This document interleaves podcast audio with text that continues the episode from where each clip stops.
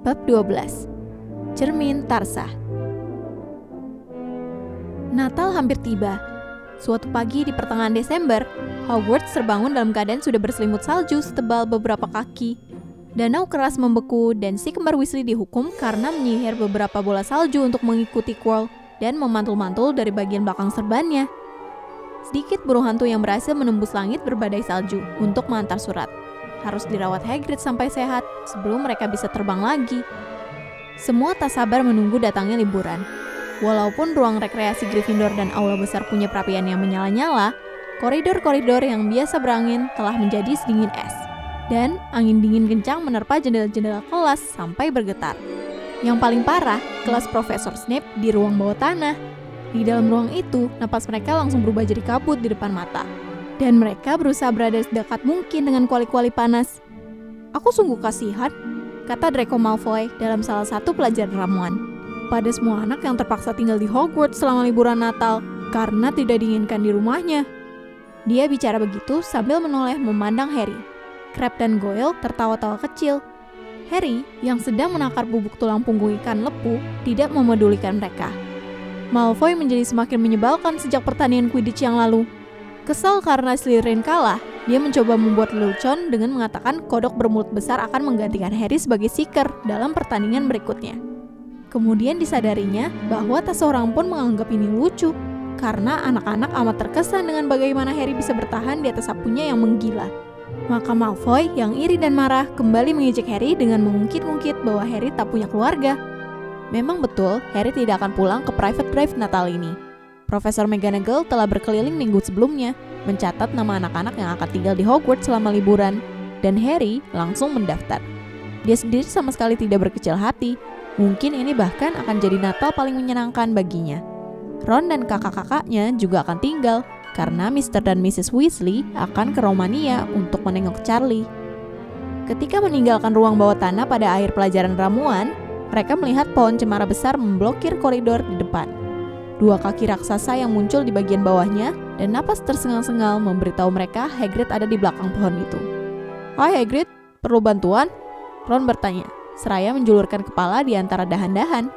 Tidak, aku tak apa-apa. Terima kasih Ron.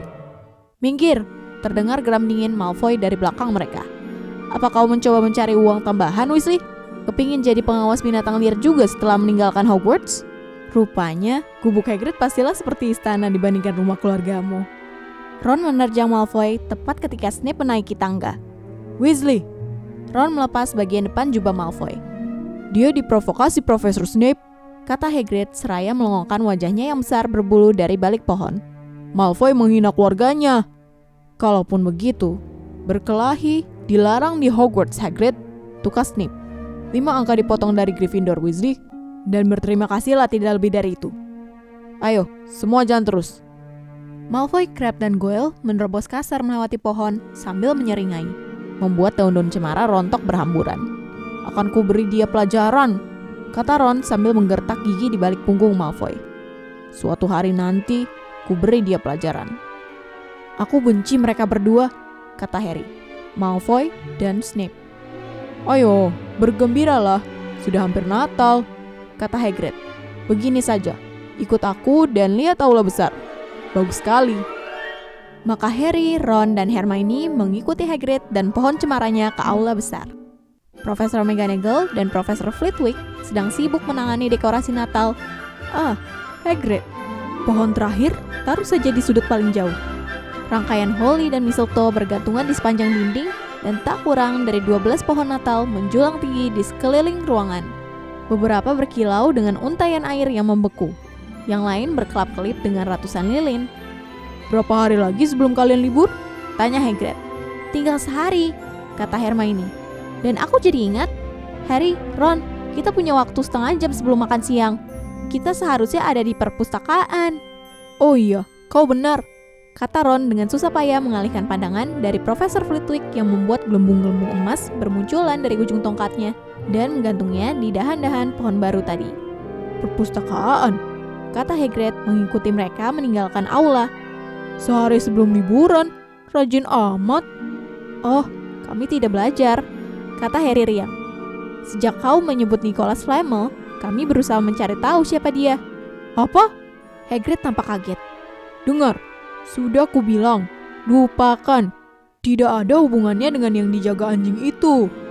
Kami ingin tahu siapa Nicholas Flamel. Cuma itu, kata Hermione. Kecuali kau mau memberitahu kami, jadi kami tak perlu repot-repot. Harry menambahkan, kami sudah membuka-buka lebih dari 100 buku dan tidak bisa menemukannya di mana-mana. Coba beri kami petunjuk. Rasanya aku pernah membaca nama itu entah di mana. Aku tak mau bilang apa-apa, kata Hagrid datar. Kalau begitu, ya kami cari sendiri, kata Ron. Mereka lalu meninggalkan Hagrid yang tidak puas dan bergegas menuju perpustakaan. Mereka memang sudah mencari-cari nama Flamel di buku sejak Hagrid keceplosan. Sebab kalau tidak, bagaimana mereka bisa tahu apa yang ingin dicuri Snape? Sulitnya, susah sekali mengetahui dari mana mereka harus mulai, karena tak tahu apa yang pernah dilakukan Flamel yang membuat namanya layak disebut di buku. Dia tidak ada dalam buku penyihir besar abad 20 atau nama-nama terkenal di dunia sihir masa kini.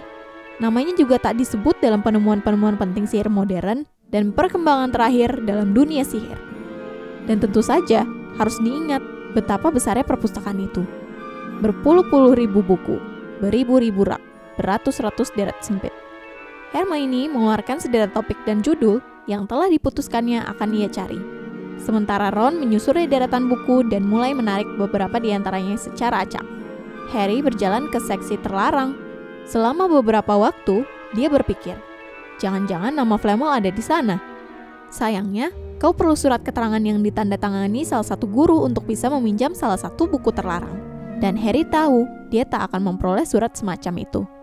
Yang ada di bagian ini adalah buku-buku berisi sihir hitam manjur yang tak pernah diajarkan di Hogwarts dan hanya dibaca oleh murid-murid kelas lebih tinggi yang pelajarannya tentang pertahanan terhadap ilmu hitam sudah jauh lebih maju. Kau cari apa, nak? Tidak cari apa-apa, jawab Harry. Madam Pinch, petugas perpustakaan, mengacungkan pembersih yang terbuat dari bulu ayam pada Harry. Kalau begitu, lebih baik kau keluar. Ayo, keluar.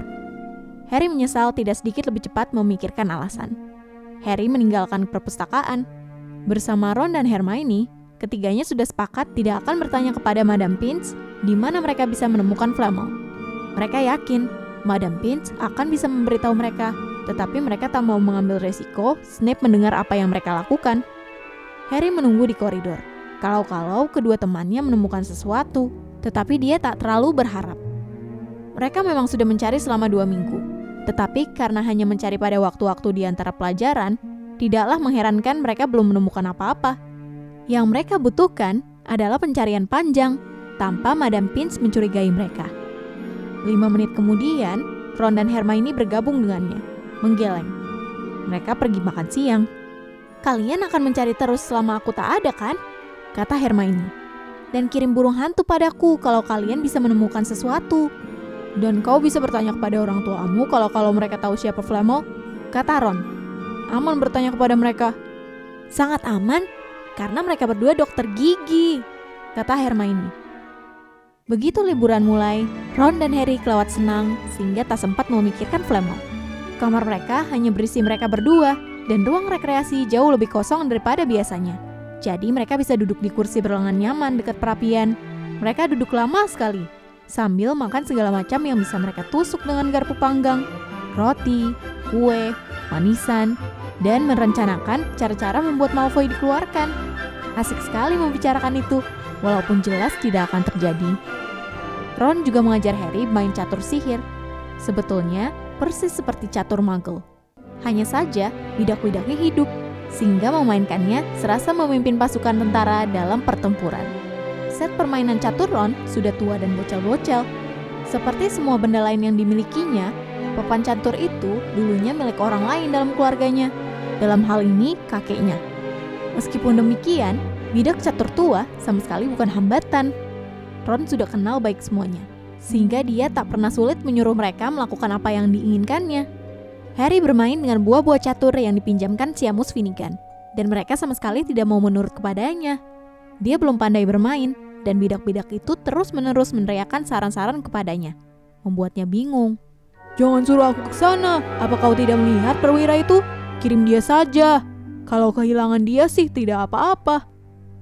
Pada malam Natal, Harry pergi tidur dengan gembira, menantikan hari berikutnya, mengharap makanan dan kegembiraan, tetapi sama sekali tidak mengharapkan hadiah. Meskipun begitu, ketika pagi-pagi sekali dia bangun, yang pertama kali dilihatnya adalah tumpukan kecil bungkusan di kaki tempat tidurnya. Selamat Natal, kata Ron masih mengantuk ketika Harry turun dari tempat tidur dan memakai jas kamar. Selamat Natal juga, kata Harry. Coba lihat ini, aku dapat hadiah. Tentu saja, emangnya kau mengharapkan dapat apa? Lobak, kata Ron menoleh memandang tumpukan hadiahnya, yang jauh lebih banyak daripada hadiah Harry. Harry mengambil bungkusan paling atas. Hadiah ini terbungkus kertas coklat tebal dan di atasnya ada tulisan untuk Harry dari Hagrid. Di dalamnya ada seruling kayu yang buatannya kasar. Jelas Hagrid membuatnya sendiri. Harry meniupnya. Kedengarannya agak mirip bunyi burung hantu. Yang kedua, amplop kecil berisi surat pendek. Kami menerima pesanmu dan terlampir hadiah Natalmu dari Paman Vernon dan Bibi Petunia. Tertempel di surat itu dengan selotip adalah sekeping uang logam 50 pence. Wah, mereka baik sekali, kata Harry. Ron terpesona melihat keping 50 pence itu. Aneh, katanya. Bentuknya ajaib. Ini uang. Boleh buatmu, kata Harry. Dia tertawa melihat betapa gembiranya Ron. Hagrid dan Bibi dan pamanku. Jadi siapa yang mengirim ini? Kurasa aku tahu yang itu dari siapa, kata Ron. Wajahnya agak memerah, seraya menunjuk bungkusan yang bentuknya tak beraturan. Ibuku, aku bilang padanya kau tidak berharap mendapatkan hadiah. Dan, oh tidak, dia mengeluh.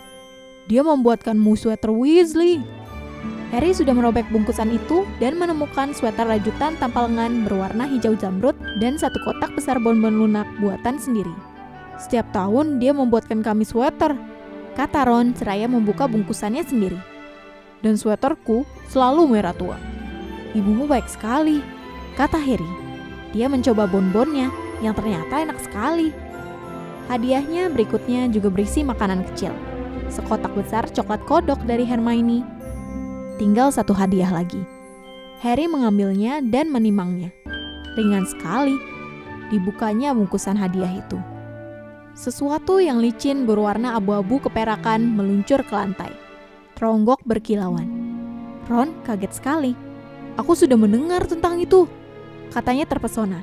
Kotak kacang segala rasa yang didapatnya dari Hermione sampai terjatuh. Kalau itu betul seperti dugaanku, itu sangat langka dan sangat berharga. Apa ini? Harry memungut kain berkilauan keperakan tersebut dari lantai. Rasanya aneh, seperti air yang ditenun menjadi kain. Ini jubah gaib, kata Ron. Wajahnya tampak kagum. Aku yakin ini jubah gaib. Coba pakai. Harry menyampirkan jubah itu di sekeliling bahunya. Dan Ron langsung memekik. Betul, lihat ke bawah. Harry memandang ke bawah, ke kakinya tapi ternyata tak ada. Dia berlari ke depan cermin. Memang bayangannya memandang kepadanya, tapi hanya kepalanya yang melayang di udara. Seluruh tubuhnya sama sekali lenyap. Ditariknya jubah itu menutup kepala, dan bayangannya lenyap seluruhnya. Ada suratnya, kata Ron tiba-tiba. Ada surat yang terjatuh dari jubah itu. Harry melepas jubah dan menyambar suratnya. Tertulis dalam huruf-huruf ramping berliuk yang belum pernah dilihatnya, kata-kata berikut ini. Ayahmu menitipkan kepadaku sebelum dia meninggal. Sudah waktunya ini dikembalikan kepadamu. Gunakan baik-baik. Selamat hari Natal yang menyenangkan untukmu. Tak ada tanda tangan. Harry bengong memandang surat itu. Ron sibuk mengagumi jubah. Aku rela memberikan apa saja untuk mendapatkan ini, katanya. Apa saja? Ada apa? Tidak apa-apa, kata Harry. Dia merasa sangat aneh. Siapa yang mengirim jubah ini? Betulkah ini dulu milik ayahnya? Sebelum dia bisa berkata atau berpikir apa-apa lagi, pintu kamar menjeblak terbuka, dan Fred dan George Weasley melompat masuk. Harry cepat-cepat menyingkirkan jubah itu. Dia belum rela membaginya dengan orang lain. Selamat, Selamat Natal! Natal. Hei, lihat, Harry dapat sweater Weasley juga. Fred dan George memakai sweater biru. Yang satu dengan huruf F besar kuning, satunya lagi dengan huruf G besar kuning. Tapi sweater Harry lebih bagus daripada punya kita. Kata Fred seraya mengangkat sweater Harry. Jelas Mom berusaha lebih keras kalau membuatkan sesuatu bukan untuk keluarga. Kenapa milikmu tidak kau pakai, Ron? George mempertanyakan. Ayo pakai, sweaternya kan bagus dan hangat. Aku benci merah. Ron mengeluh setengah hati, sambil menarik sweaternya melewati kepala. Punyamu tidak ada hurufnya? George baru sadar. Rupanya mau mengira kau tidak akan melupakan namamu. Tetapi kami tidak bodoh. Kami tahu nama kami, Gret dan Forge. Ada apa sih ribut amat? Percy Weasley menjulurkan kepala ke dalam kamar. Kelihatan tidak senang. Rupanya dia juga baru membuka hadiahnya, karena dia juga membawa sweater yang tersampir di tangan. Fred segera menyambar sweater itu. P untuk prefect. Pakailah Percy. Ayo, kami semua memakai sweater kami, bahkan Harry juga. Aku tak mau, kata Percy sementara si kembar memaksakan sweater itu melewati kepalanya, membuat kacamatanya miring. Dan hari ini kau kan tidak bersama para prefek lain, kata George. Natal kan waktu untuk keluarga. Mereka menggiring Percy keluar ruangan. Sweaternya menjepit lengannya. Seumur hidup, belum pernah Harry mengalami jamuan Natal seperti itu.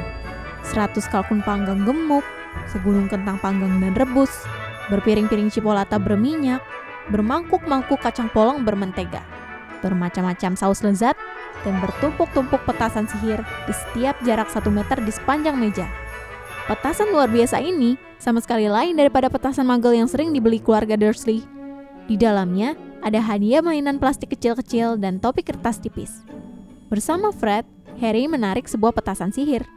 Dan petasan itu tidak cuma meletus, melainkan menggelegar seperti bunyi meriam dan menyelubungi mereka semua dengan asap biru.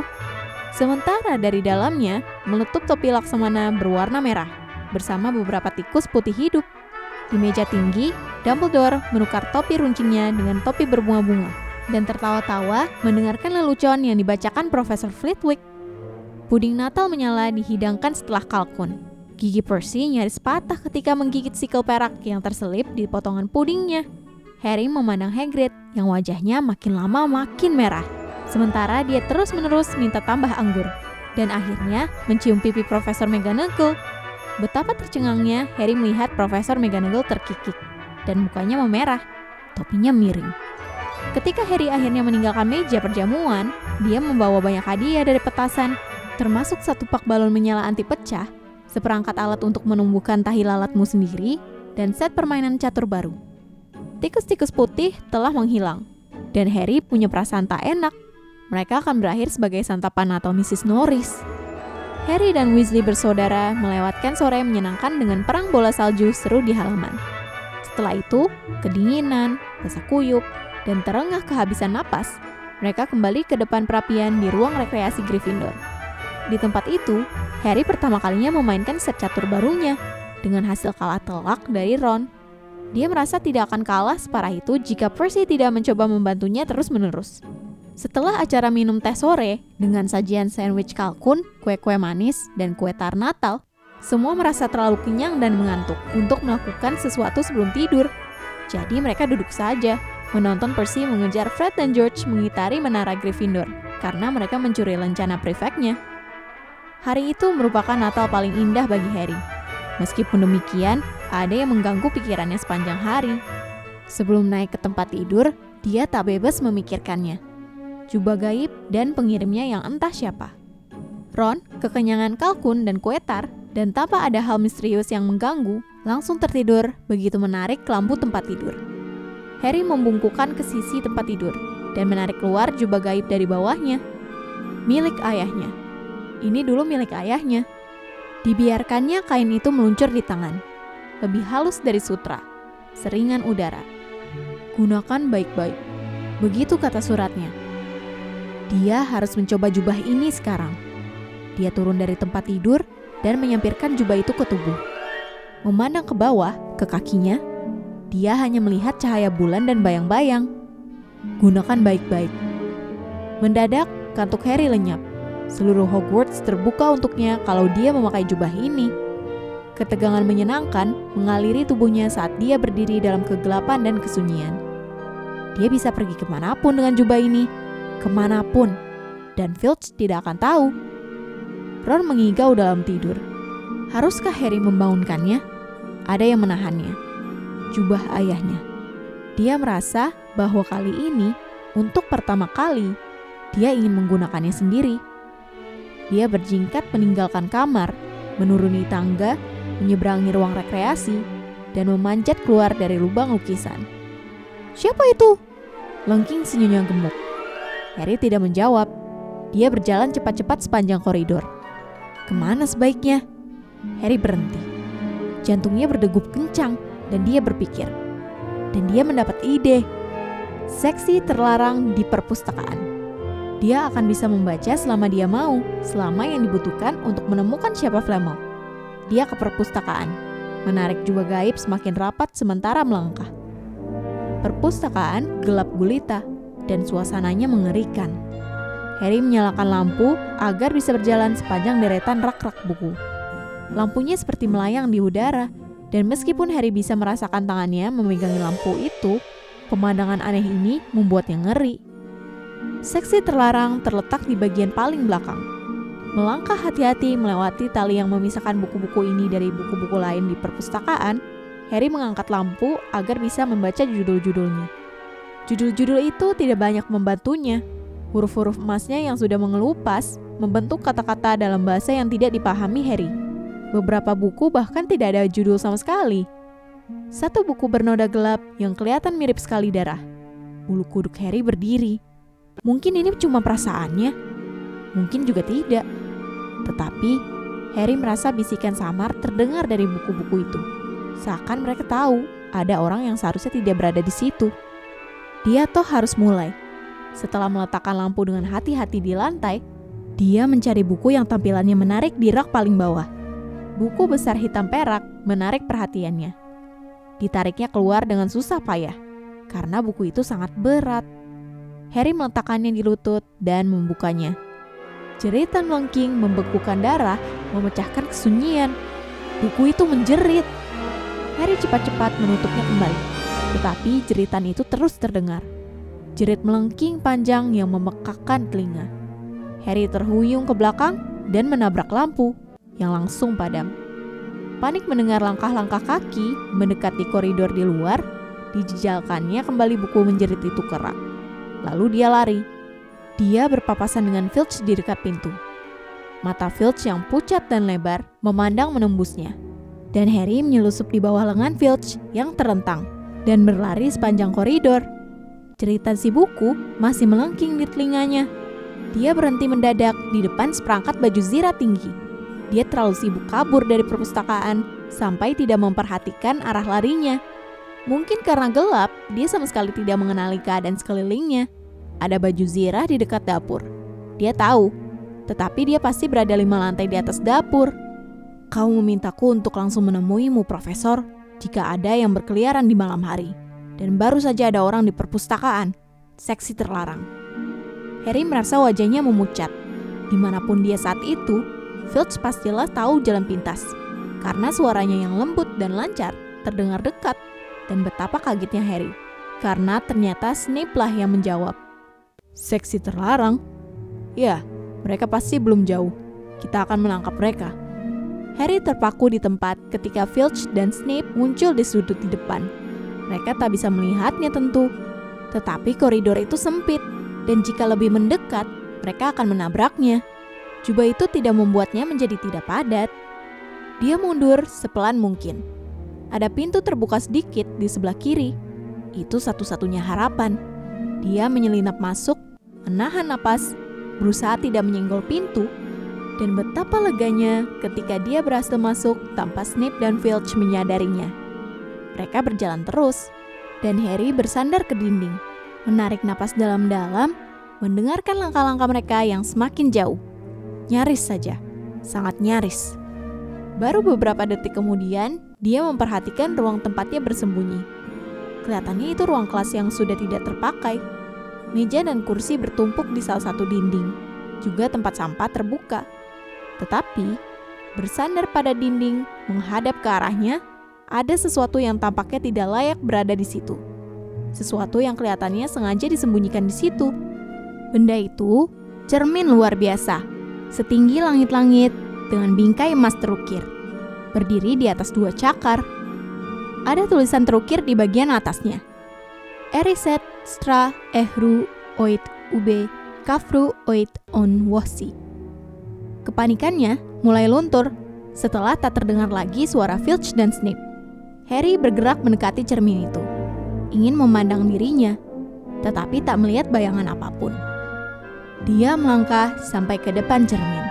Dia harus menutup mulutnya dengan tangan untuk mencegahnya menjerit. Buru-buru dia membalik. Jantungnya berdegup jauh lebih kencang daripada ketika buku tadi menjerit. Karena dia tak hanya melihat dirinya di cermin, serombongan orang lain berdiri di belakangnya. Tetapi ruangan itu kosong. Dengan napas memburu, perlahan dia menoleh kembali ke cermin. Itu dia, terpantul di cermin, pucat dan ketakutan. Dan di sana, di belakangnya, ada paling sedikit 10 orang lain. Harry menoleh lewat bahunya. Tetap saja tak ada orang. Apakah mereka semua juga tidak tampak? Apakah sebetulnya dia berada di ruangan penuh dengan orang-orang yang tidak tampak?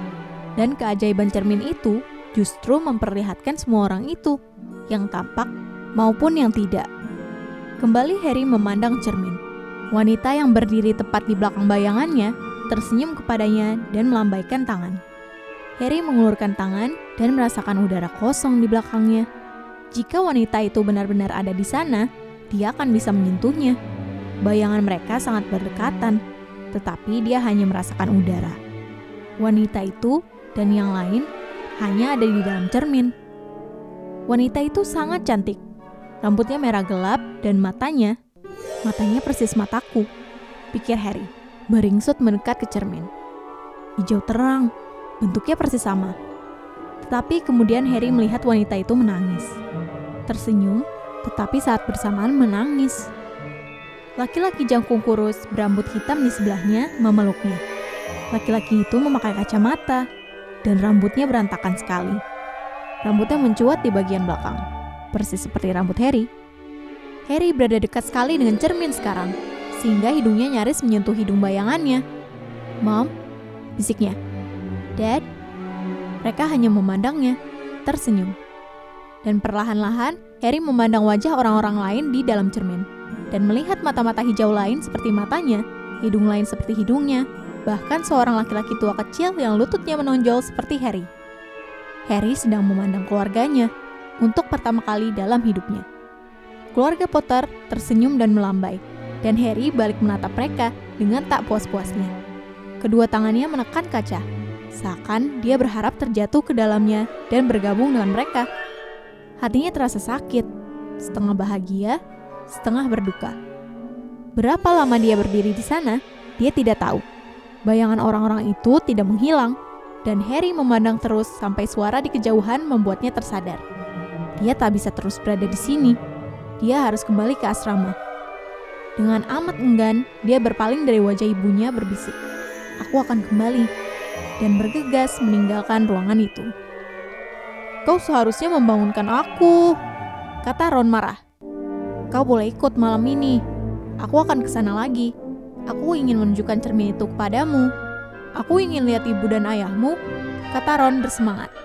Dan aku ingin melihat semua keluargamu. Kau akan bisa menunjukkan dua kakakmu yang paling besar dan keluargamu yang lain. Kau bisa melihat mereka kapan saja, kata Ron. Ikutlah ke rumahku musim panas ini. Lagi pula mungkin cermin itu cuma menunjukkan orang-orang yang sudah meninggal. Sayang sekali kau tidak menemukan Flamel. Makan daging asap ini, atau apalah. Kenapa kau tidak makan apa-apa? Harry tak bisa makan. Dia sudah melihat orang tuanya, dan akan melihat mereka lagi malam ini. Dia sudah hampir melupakan Flamel. Flamel kelihatannya tak begitu penting lagi.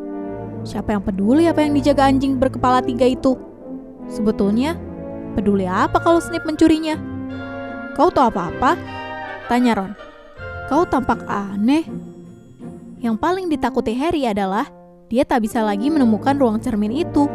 Berselubung jubah bersama Ron, mereka harus berjalan jauh lebih pelan pada malam berikutnya. Mereka mencoba napak tilas rute Harry dari perpustakaan, berputar-putar di lorong-lorong gelap selama hampir satu jam. Aku kedinginan, kata Ron. Ayo, kita lupakan saja dan balik ke kamar. Tidak, this is Harry.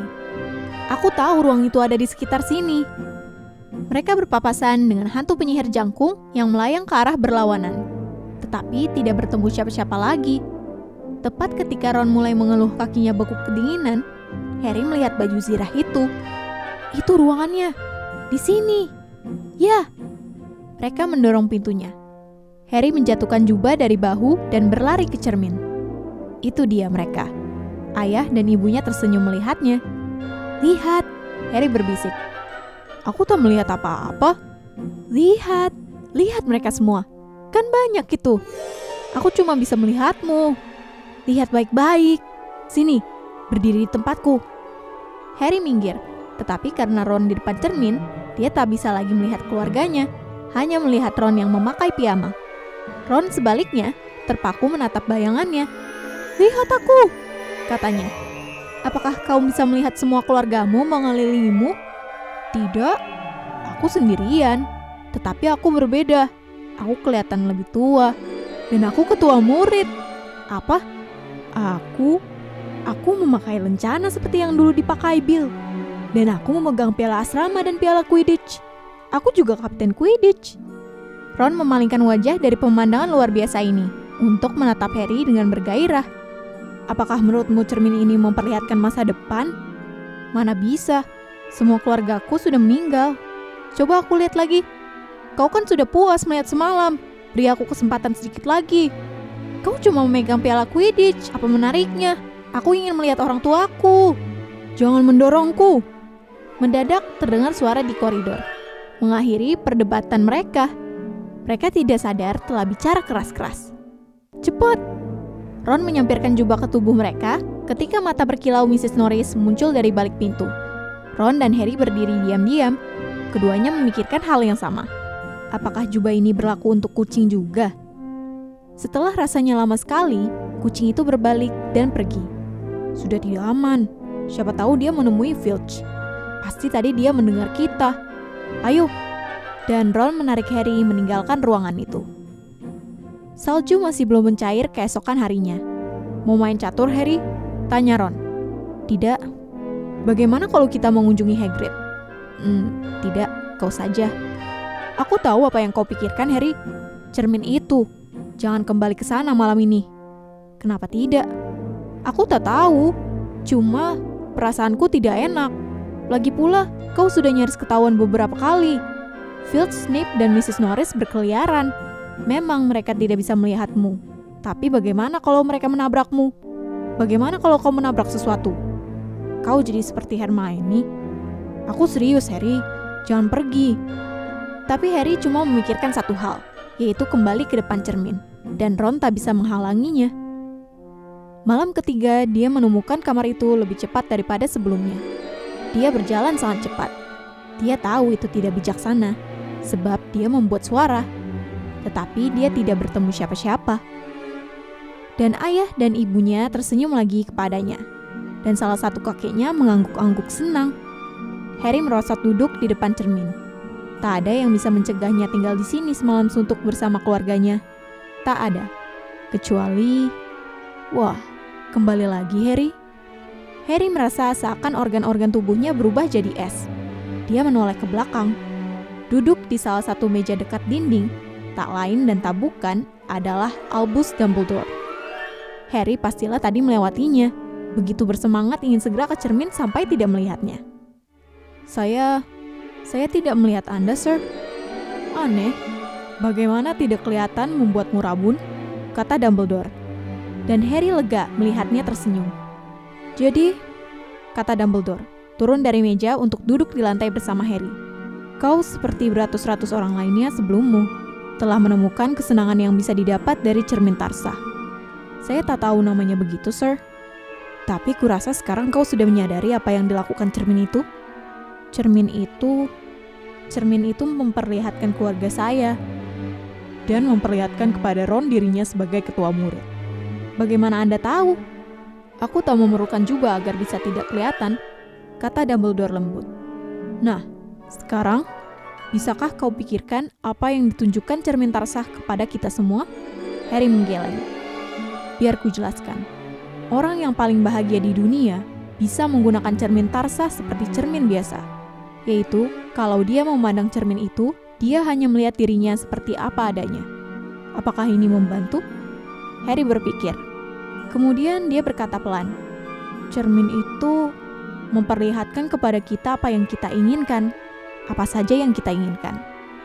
Ya dan tidak, kata Dumbledore pelan. Cermin itu hanya menunjukkan hasrat hati kita yang paling mendalam. Kau yang tak pernah kenal keluargamu, melihat mereka berdiri mengelilingimu. Ronald Weasley yang selalu minder dengan kesuksesan kakak-kakaknya, melihat dirinya berdiri sendiri, menjadi yang terbaik di antara mereka.